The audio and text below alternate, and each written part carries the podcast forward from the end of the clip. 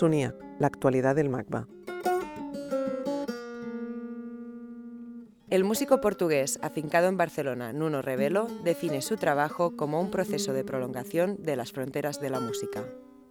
Su obra, tan extensa y poliédrica como sus intereses, abarca sesiones de improvisación, piezas compuestas para grupos instrumentales, música electrónica y esculturas sonoras.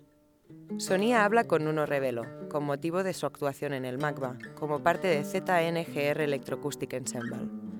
En esta entrevista, Revelo traza un recorrido imaginario entre la semilla experimental del grupo de pop en el que empezó a tocar en la década de los 80 hasta su producción de instalaciones cinéticas y esculturas musicales. Todo lo que hago es, es alargar las fronteras de lo que estoy haciendo. Y esto desde, desde los inicios de los años 80 que tocaba, así empezado en un grupo pop y en ese grupo empezamos a integrar elementos de otros tipos de música, explorar otros lenguajes musicales. Entonces poco a poco mi trabajo se ha ido alargando por varios lenguajes musicales y que sigo haciendo y que me gusta hacer. Y luego pues quizás porque tengo una formación de, de arquitectura y no de música, pues he empezado a integrar elementos visuales y de performance y de danza en la música que hago. Entonces, las esculturas sonoras son una de las prolongaciones de las fronteras de la música que me interesa mucho.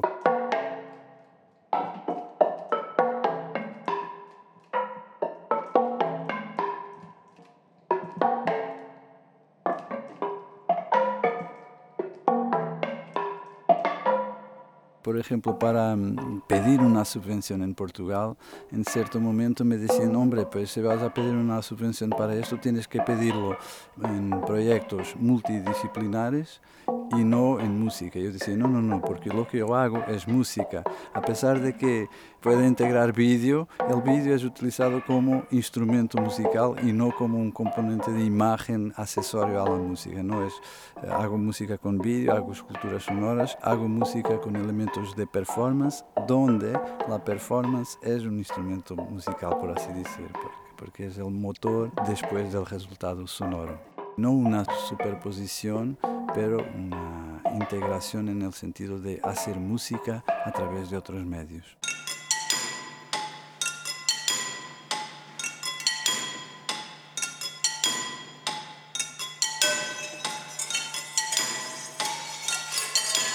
Algunos trabajos de vídeo míos, como por ejemplo La agonía de un insecto, al final son esculturas sonoras también, las veo como esculturas sonoras, a pesar de que el objeto no ha estado nunca en exhibición, son dispositivos que de alguna manera producen sonido.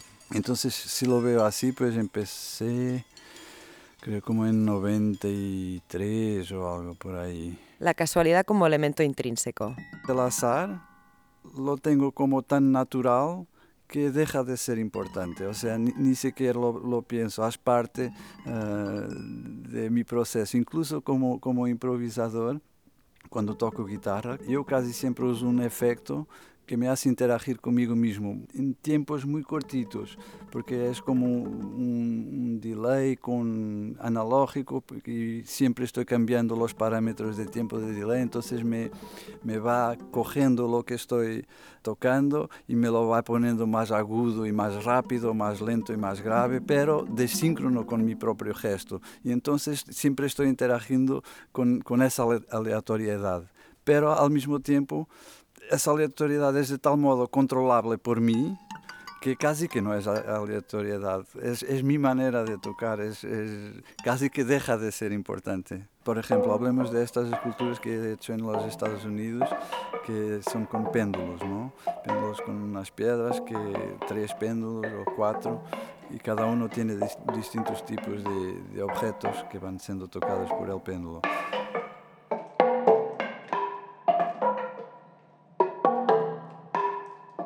Pues la verdad es que cada uno tiene un tipo de objetos y poco me importa si sale la nota A primero. Si uno tiene macetas de diferentes tamaños, pues solo va a dar sonidos de macetas, no, va a dar sonidos de, guitarra, por ejemplo.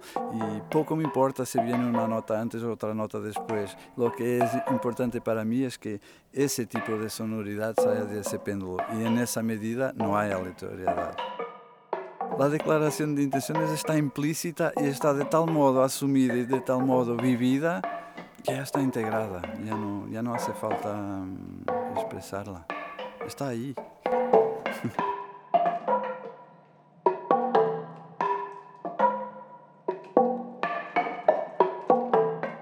El taller se llamaba Sonos Culturas, es, es esta asociación cultural llamada Oficinas do Convento, que son de Montemoro Novo, una pequeña ciudad al sur de Lisboa. Esta asociación funciona en un, en y una de las cosas que han empezado en ese año 2009 es eh, organizar talleres de, de, esculturas sonoras. Y lo han hecho con varias, varios músicos, varias personas que lo ven de diferentes perspectivas. El mío ha sido el primero, luego venía gente más ligada a la electroacústica, otros más a la interactividad con ordenadores y lasers y tal. Y bueno, yo más artesanal con los hierros y las maderas que se encuentran por ahí.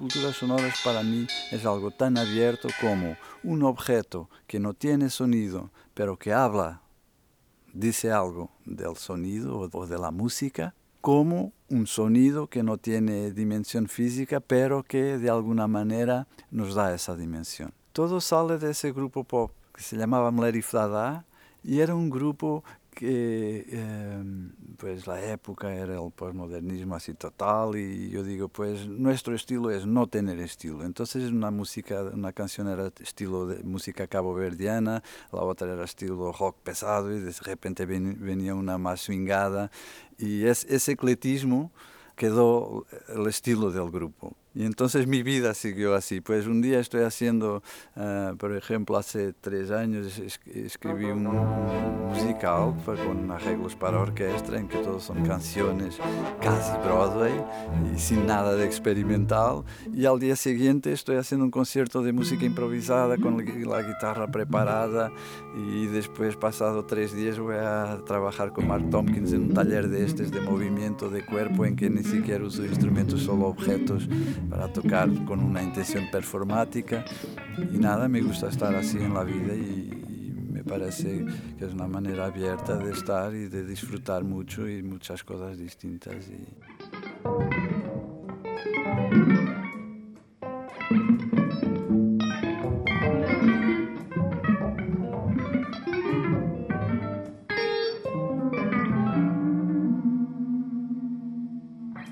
la vigencia de la canción de protesta. Pasados los años del fascismo en Portugal, mi generación es la primera generación que artísticamente no ha tenido que estar políticamente batiendo el pie contra el fascismo, cantando canciones de protesta y tal. O sea, nosotros hemos podido pasar de eso y empezar de, de pensar estéticamente en las cosas. Pero en cambio seguía presente ese sentimiento de, de, no estar con el sistema.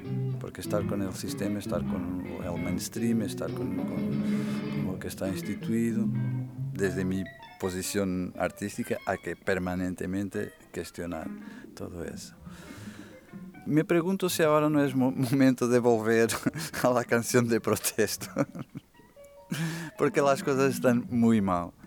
Y quizás, quizás deberíamos empezar de coger una guitarra acústica y empezar a cantar unas canciones. Bueno, de, de, alguna manera lo he hecho en unas composiciones para el mismo grupo de percusión, los drumming, que era un, un homenaje a Frank Zappa.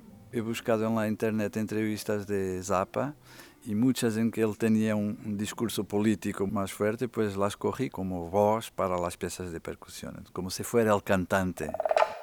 The whole idea of a filthy thought is a religious concept, not really a legal concept. The idea of that sort of filth connected with thoughts of sex is something that is derived from a special type of religious uh, orientation. And uh, my basic argument with it is that the U.S. Constitution says that there should be no mingling of religious thought and, uh, and the law. Because the minute you start mixing the two together, you wind up in a situation like you have in Iran. It's called a theocracy. Recuerdo los tiempos del, fascismo. No los recuerdo políticamente. Lo que sentía, eso sí, es que sentía que cada vez que veía a un turista parecía alguien que venía del futuro. O sea, sentí un retraso de Portugal porque venía un francés o un inglés o un americano, si lo veía en Portugal, me parecían gente siempre del futuro y coloridos, tenían colores en las, en las ropas, cosa que en Portugal eh, era, era todo gris y todo negro y marrón, ¿no?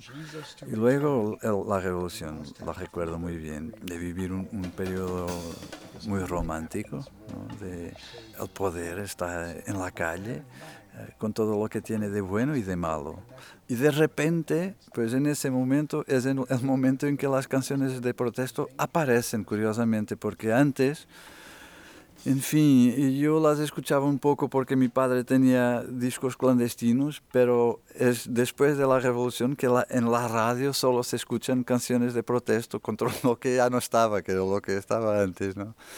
Pero de repente estas canciones que habían estado en la clandestinidad tanto tiempo, porque los discos eran grabados en París y vendidos clandestinamente en Portugal, de cantantes como Zeca Afonso y Zé Mário Branco y Sergio Godinho, pues de repente es lo que hay en la radio, uh, aparecen.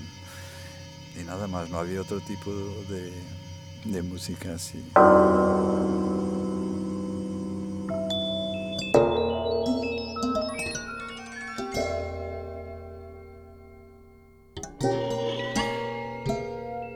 Subvertir desde dentro.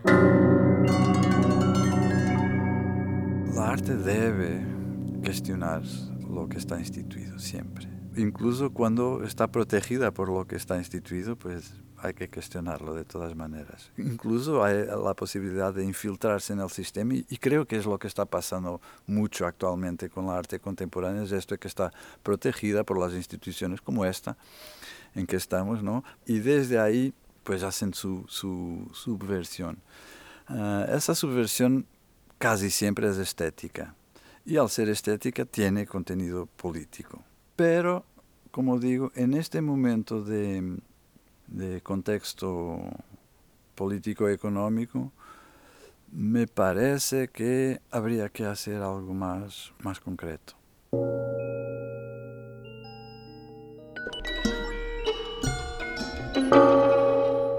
magba.cat